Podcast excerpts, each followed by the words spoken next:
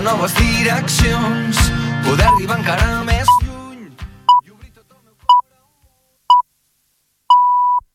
És la una del migdia.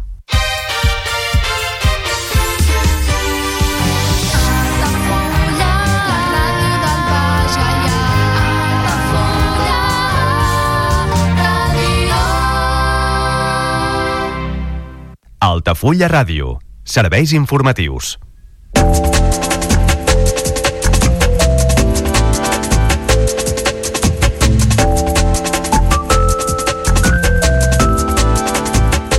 S'inicien els treballs de reparació de l'escollera del passeig de botigues de Mar d'Altafulla. Els treballs, valorats en uns 80.000 euros, retornaran a la via la seva amplada original i reforçaran el suport de les roques que la sustenten. L'equip de govern d'Altafulla desgrana els comptes municipals en una audiència pública de les inversions, d'1,4 milions d'euros en total, en destaca l'inici dels treballs per fer la bassa de laminació, la reparació del passeig o bé les energies renovables. L'Arxiu Municipal d'Altafulla roman tancat aquesta setmana pels treballs previs a la digitalització de part del seu fons. Són uns moviments que realitzen junt amb l'Arxiu Històric de Tarragona, on es traslladaran temporalment aquests documents per ser tractats.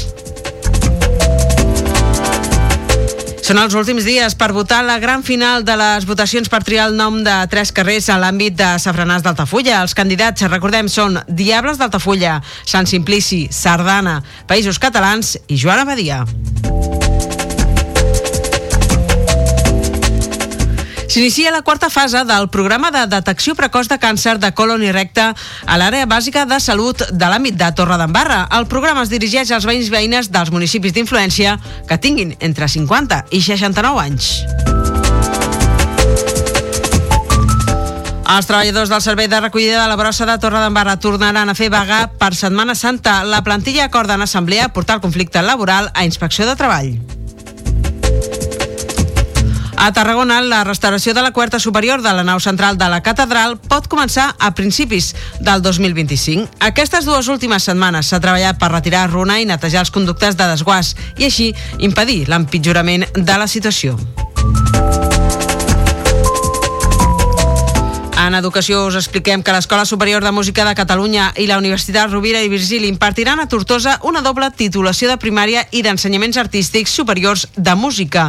La nova oferta formativa començarà el curs vinent amb les 10 places i els estudis seran per trompeta, trompa, trombó i tuba.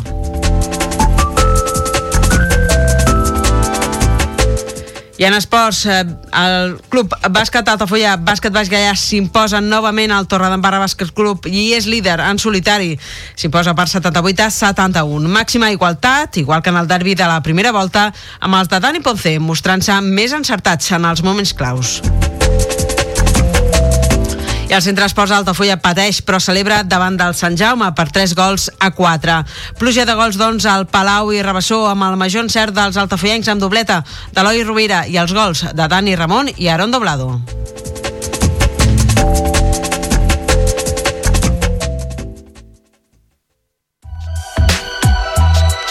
Altafulla Mar Hotel. Esdeveniments familiars, comunions, batejos i casaments i reunions d'empresa. Sales privades amb llum natural, terrassa i accés al jardí, des de 10 fins a 200 assistents. Altafulla Mar Hotel, el teu espai de confiança per a les teves celebracions familiars al barri marítim d'Altafulla. Demana pressupost sense compromís trucant al 977 65 11 55. Altafulla Mar Hotel.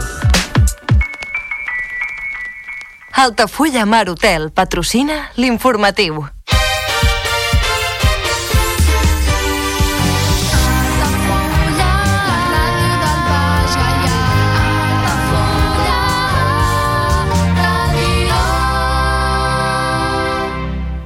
Altafulla Ràdio. Notícies.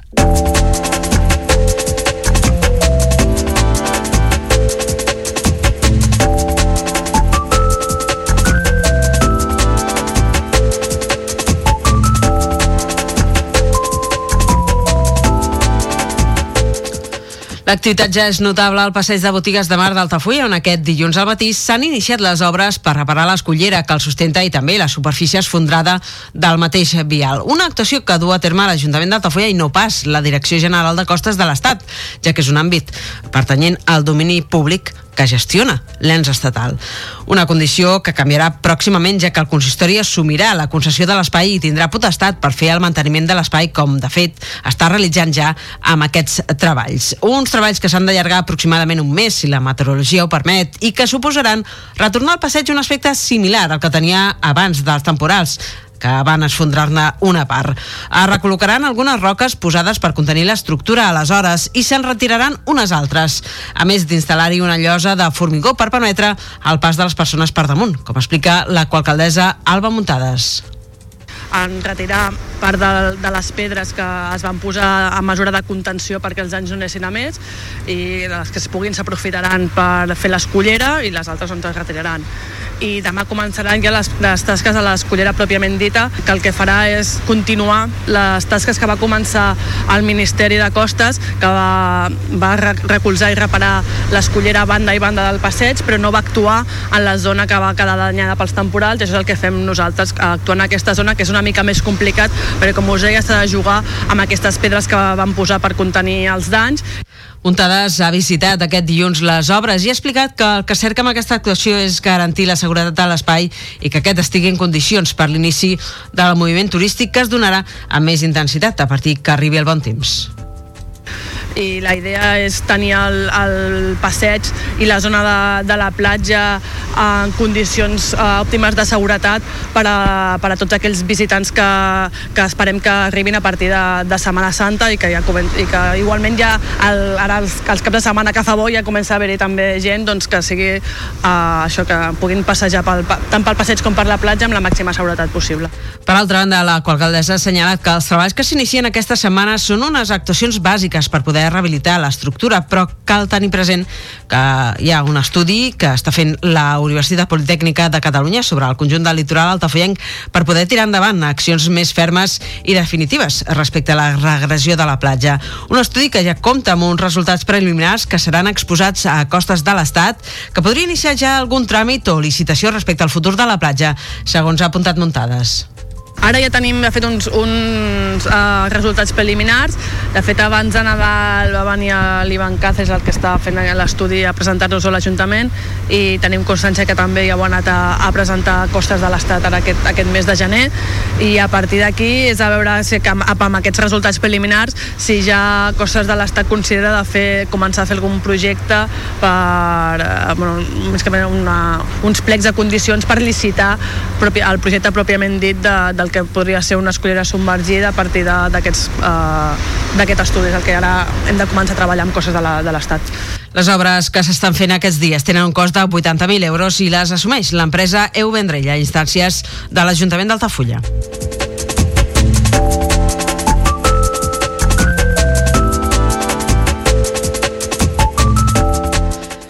Una audiència pública aquest dissabte al matí ha costat a la ciutadania els aspectes més destacats i els detalls del nou pressupost municipal d'Altafulla que ha de regir l'esdevenit de la vila els pròxims 12 mesos. Són uns pressupostos que es van aprovar per la majoria del plenari el passat 22 de desembre i que ja estan en marxa, per exemple, amb l'inici, com us explicàvem ara mateix, de la reparació de l'escollera del passeig. Els números, però, són sempre complicats de, de digerir i per això s'han volgut posar sobre la taula en una audiència que, si bé no va ser seguida presencialment per gaire públic dins la sala de plens sí que es va poder seguir des de casa tant pel canal YouTube de l'Ajuntament d'Altafulla com per aquesta emissora. Amb dues transmissions fetes en directe es poden recuperar ara a les respectives eh, plataformes. Una de les qüestions més destacades d'un pressupost total que suma 10,8 milions d'euros amb equilibri de despeses i ingressos previstos és l'apartat d'inversions que ascendeix a 1.419.000 euros. El regidor d'Hisenda, Dani Franquès, ha estat l'encarregat de desgranar aquests comptes i destacar algunes inversions, com els gairebé 950 50.000 euros que es destinaran en guany. Ha iniciat d'una vegada per totes els treballs per fer la bassa de laminació del puntet. Igualment, en aquest apartat hi trobem la rehabilitació de l'estació depuradora d'aigües residuals, l'EDAR, de Via Arcúlia, la reparació de l'escollera, com dèiem, o la inversió en energies renovables pel que fa a enllumenat d'equipaments, com ara el poliesportiu o també enllumenat de la via pública. Aquestes inversions veiem que n'hi ha una que destaca i molt, que és la bassa de laminació. No? Aquesta bassa de laminació mm, gairebé se'n va als 950.000 euros i per tant són és la, la, on s'emporta la major part d'aquestes inversions. També mm, veiem que aquí tenim unes inversions per 1.419.000 euros durant l'exercici se'n poden fer més d'inversions perquè se poden rebre subvencions a partir de, de diferents eh, estaments com Generalitat, Diputació i aleshores les inversions durant l'exercici es poden afegir al que és el pressupost. De fet, el pressupost és una eina viva. Aquí el que fem és una projecció de les previsions dels ingressos que es poden complir, igual que les despeses, una, una projecció de les despeses que, que volem realitzar. Durant l'audiència, Franquès ha exposat d'on vindran els ingressos que es preveuen al pressupost amb orígens com els impostos, que representen gairebé la meitat dels ingressos, les taxes i els preus dels serveis públics, les transferències d'altres organismes i les rendes del patrimoni, també els passius financers, és a dir, els crèdits demanats a entitats bancàries. Per altra banda, en l'àmbit de les despeses hi té un pes important. El pagament de sous del personal del consistori, les compres de béns i serveis, les despeses de les operacions financeres i també les les inversions. Tant Franquès com la resta de regidors també han pogut oferir explicacions dels presents a les preguntes formulades per aquests en una sessió que l'equip de govern valora com un exercici de proximitat i de transparència cap a la ciutadania i que s'anirà fent de manera regular amb altres qüestions que es consideri que poden ser susceptibles d'explicar-se d'una manera més àmplia del que es fa habitualment a través d'audiències públiques.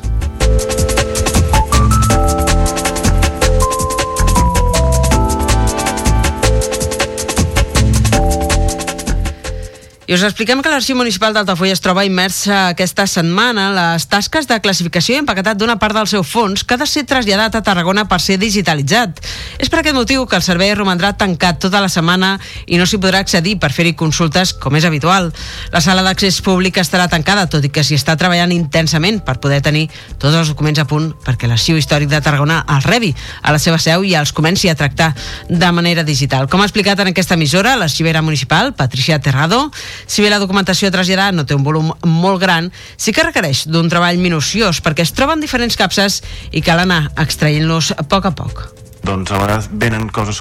La documentació que s'ha de traslladar no és molta en quantitat, perquè són unes 15 capses, sinó que la dificultat eh, radica en que són documents que estan dividits en diferents mm, caixes, en diferents dipòsits, i que mm, la seva recopilació doncs, suposa eh, una gran quantitat de temps en aquest sentit i de logística. Aleshores, un cop s'hagi fet aquesta tria de, de la documentació, es trasllada a l'arxiu històric per a la seva digitalització.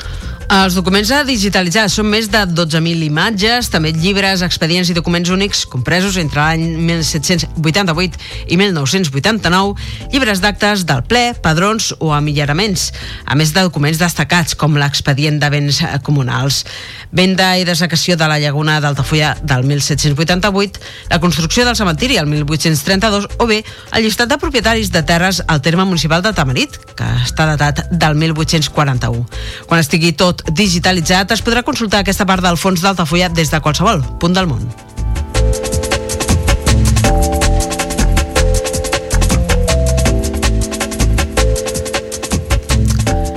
I us recordem ara que són els últims dies per poder votar, per poder exercir aquest poder de batejar un carrer del municipi on es viu, una oportunitat que la ciutadania d'Altafulla té a l'abast gràcies a un procés participatiu que va iniciar-se l'any passat i que culmina aquest gener, concretament aquest dimarts. Es tracta dels carrers de nova urbanització ubicats a la zona de Safranàs.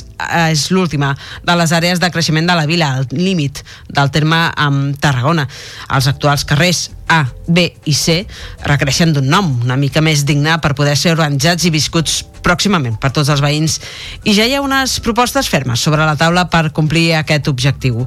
L'última passa és destriar tres noms d'entre els cinc finalistes sorgits de les votacions anteriors a través de diverses fases una primera de pluja d'idees on tothom qui va voler va poder portar la seva proposta lliurement, una segona en què es van posar a votació la trentena de propostes formulades en una, la primera fase i en la qual van sorgir cinc finalistes i ara està a punt de tancar-se aquesta tercera i definitiva fase a la qual es determinaran els tres noms que s'inclouran ara sí, al nomenclàtor d'Altafulla. Es pot votar fins aquest dimarts 23 de gener. Els candidats, recordem-ho, són carrer dels Diables d'Altafulla, carrer de Sant Simplici, carrer de la Sardana, via dels Països Catalans i carrer de Joan Abadia. És a dir, un nom per una entitat tradicional de la cultura local, un indret molt nostrat del paisatge del Baix Gaià, la més vella de les danses que es fan i es desfan. El territori coneix la cultura i la parla catalana i una altafollenca amb una àmplia trajectòria a la vida social i cultural de la vila. Les votacions per dirimir entre aquestes candidatures es van obrir el passat 15 de gener i ja hi ha hagut força moviment al voltant de les diferents propostes a través de l'aplicació EAGORA. Qui desitgi emetre el seu vot encara és a temps fins aquest dimarts, dia 23 de gener, com dèiem. I al ple ordinari de març, aleshores, ja es portarien a votació aquests noms triats, aquests tres noms eh, que guanyin la votació per oficialitzar el bateig dels nous carrers. Thank you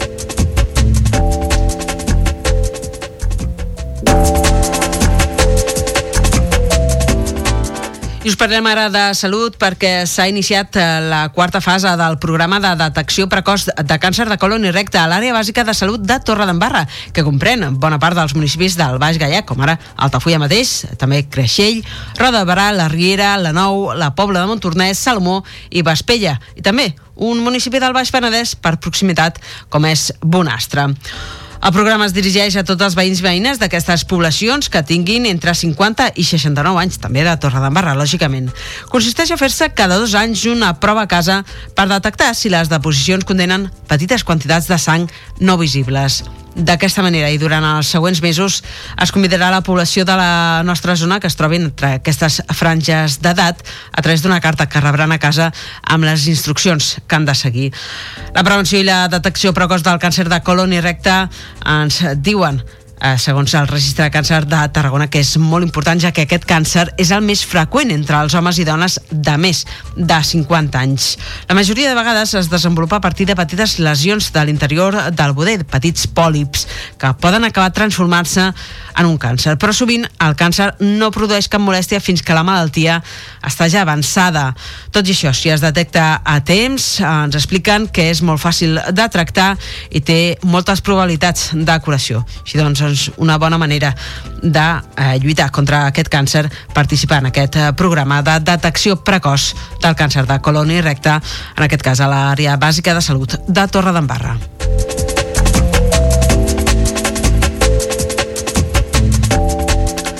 en un altre ordre de coses, us expliquem que els treballadors del Servei de Recollida de la Brossa de la Torre tornaran a fer vaga per Setmana Santa.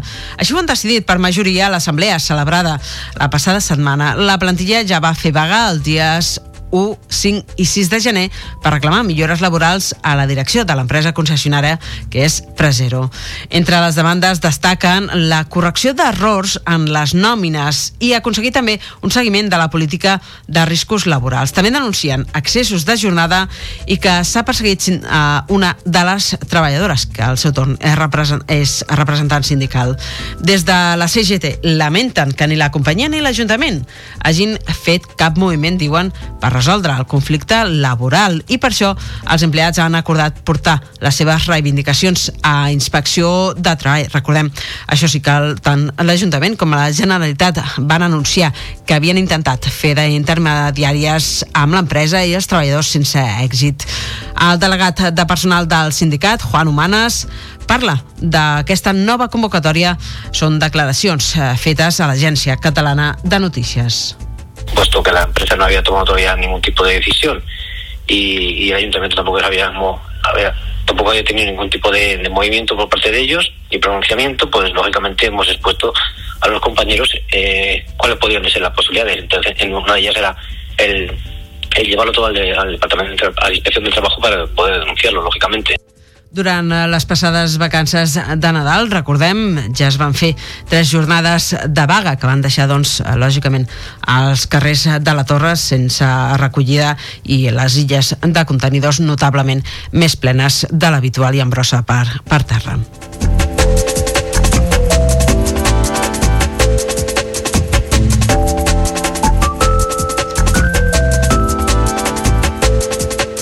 I obrim ara la mirada a la resta del camp de Tarragona. Concretament, anem a la capital, anem a la ciutat de Tarragona, perquè la restauració de la coberta superior de la nau central de la catedral podria començar a principis del 2025. El deteriorament d'aquesta part de la taulada fa temps que preocupa, però de moment no hi ha cap risc que aquest problema en pugui generar d'altres en el patrimoni de la catedral, segons diuen els experts. L'arquitecte responsable dels treballs, Antoni Maltes, ha explicat que han acabat una actuació d'urgència per aturar la llavissada de la part superior d'aquesta coberta. Fa més d'un any que es va detectar el problema provocat pel sol, la humitat i potser també algun material defectuós. Aquestes dues últimes setmanes s'ha treballat per retirar runa i netejar els conductes de desguàs i així impedir impedir que empitjori la situació. Maltes ha dit que aquesta és una tasca de conservació necessària d'aquesta estructura, que recordem, és del segle XI possiblement després es aniran fent altres coses, no? O sigui que la conservació d'una catedral no, no és tot de com, no? I, a més a més ara aquí ens, ens estava preocupant més perquè veiem que sí que realment es anava desplaçant, que es anava superposant i que havíem de primer aturar això aturar-ho i, i demanar això, no? però ja fa temps que s'està parlant de demanar això. El projecte de reparació, de restauració de la coberta de la nau central de la catedral està valorat en gairebé un milió i mig d'euros. El 65% d'aquesta quantitat s'espera que estigui subvencionada pel Ministeri i l'altre 35% serà finançat pel mateix capítol de la catedral. La rehabilitació no afectarà, diuen, l'activitat normal del temple.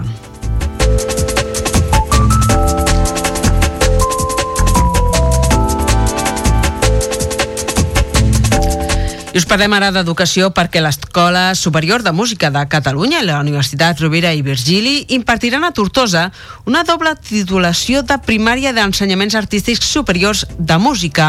Serà la primera vegada que l'ESMUC impartirà el grau d'estudis superiors de música fora de Barcelona. La nova oferta formativa començarà el curs vinent amb, la, amb unes 10 places. En quatre cursos hi hauran 40 alumnes. Els estudis eh, de l'ESMUC seran per trompeta, trompa, trombó i tuba, per formar dos quintets de metalls. La consellera d'Ensenyament, Anna Simó, remarca que és una aposta estratègica que es basa en la tradició musical i el potencial de les Terres de l'Ebre ja que és la primera vegada que l'ESMUC es desplega fora de Barcelona i això és un pas molt important amb, tots, amb els anys que fa que l'ESMUC eh, existeix. I ho fa precisament a les Terres de l'Ebre. I no és ni casual ni, ni és un caprici sinó que ho fa perquè hi ha talent, ho deia l'Albert perquè hi ha talent però alhora el que hi ha també és una tradició artística molt rica per la seva banda, el rector de l'ORB, Josep Pallarès, assenyala que la implantació d'aquest doble grau a les Terres de l'Ebre obre una finestra de noves oportunitats i també permetrà retenir talent.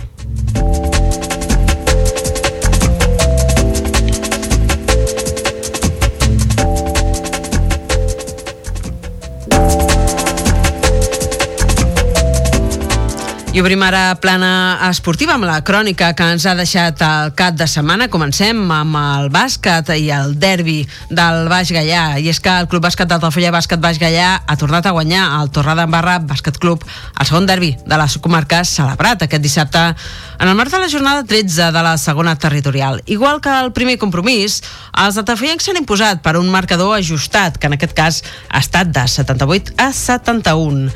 L'equip de Dani Ponce ha acabat el primer quart quart per davant al marcador amb un 16 a 14. Els torencs han capgirat la situació al segon amb un 14 a 17 i han arribat al descans amb un 30 a 31 a favor. La igualtat s'ha mantingut després del descans amb els locals més encertats i al tercer quart s'han tornat a posar per davant amb un parcial de 20 a 16, una diferència de 4 punts que s'ha repetit al darrer període amb el 28 a 24 amb el qual han assegurat la victòria. Roger Montaner i David Martí han estat els màxims anotadors de l'equip amb 14 punts, mentre que el visitant Haris Trapat ha liderat aquesta estadística amb 20. L'Altafulla es queda líder en solitari amb un rècord de 10 triomfs i una derrota i un total de 21 punts, un més que el Torre d'Embarrà i dos més que el Cunit que ha descansat en aquesta jornada. El partit de la següent jornada, la pista de l'Àguiles, s'ha ajornat, doncs, el 18 de febrer.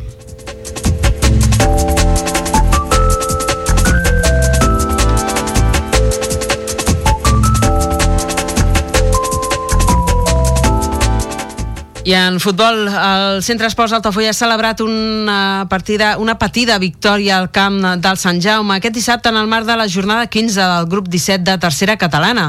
Els altafullans s'han imposat per 3 gols a 4 gràcies a l'encert als últims 20 minuts, en què els dos equips s'han colpejat per partida doble, fent bo l'avantatge obtingut en el primer acte. Els groc i negres s'han avançat aviat amb el gol de Dani Ramon al minut 9.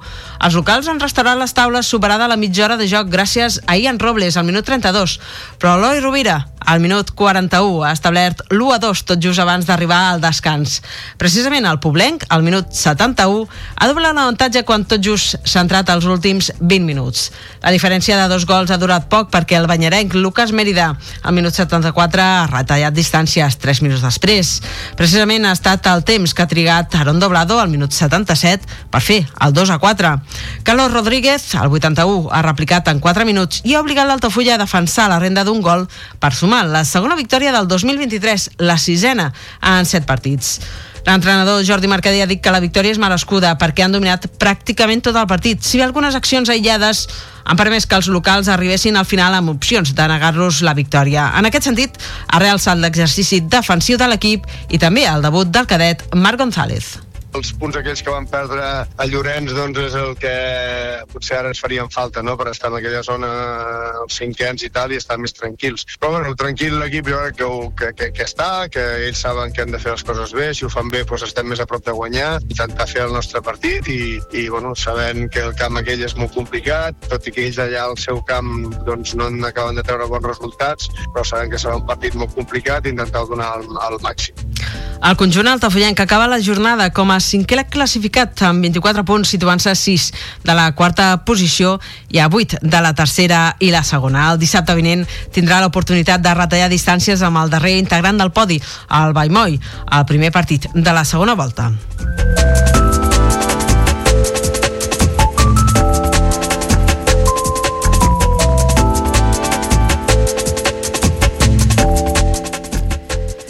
I amb aquestes eh, prèvies de la crònica esportiva del cap de setmana us emplacem a continuar ampliant-les tot seguit al programa Baix Gallà Esports del nostre company Marc Pérez, que arriba tot just eh, quan acabi aquest informatiu. Així doncs, nosaltres posem el punt final a l'informatiu d'avui, eh, d'aquest dilluns, 22 de gener del 2024, com sempre en directe al 107.4 de la FM, de la freqüència modulada. També ens heu pogut seguir a través de l'aplicació per telèfons mòbils, l'aplicació d'aquesta casa, d'Altafulla Ràdio, per aplicacions per telèfons mòbils amb sistema operatiu Android, també a través del canal d'Altafulla Ràdio a la televisió, o bé a, per, per la web, per la nostra web www.altafullaradio.cat eh, també sapigueu que teniu actives les nostres, el perfil d'Altafulla Ràdio a les nostres a les xarxes socials, Facebook i X, l'antic Twitter i que nosaltres doncs, ens retrobarem a les pròximes edicions per portar-vos les últimes novetats de l'actualitat de casa nostra. Res més des d'aquí, des dels estudis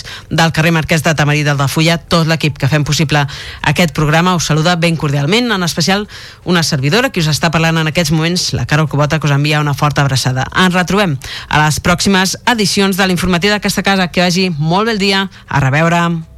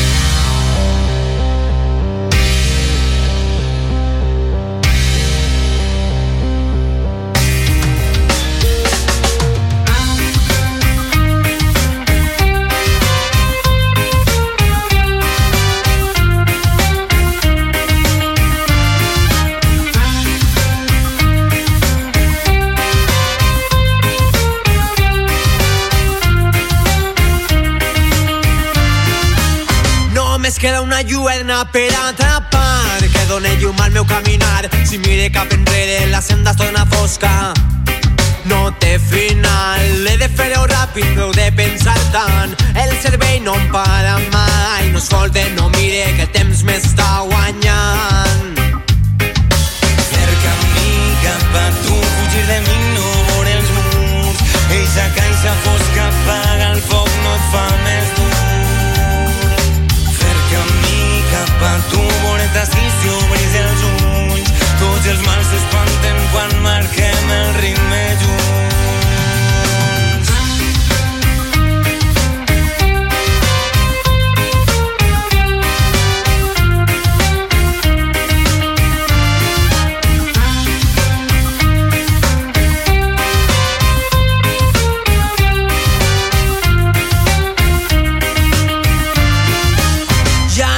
clave que era fora ni Altafulla Ràdio. La xarxa. Comunions 2024. Data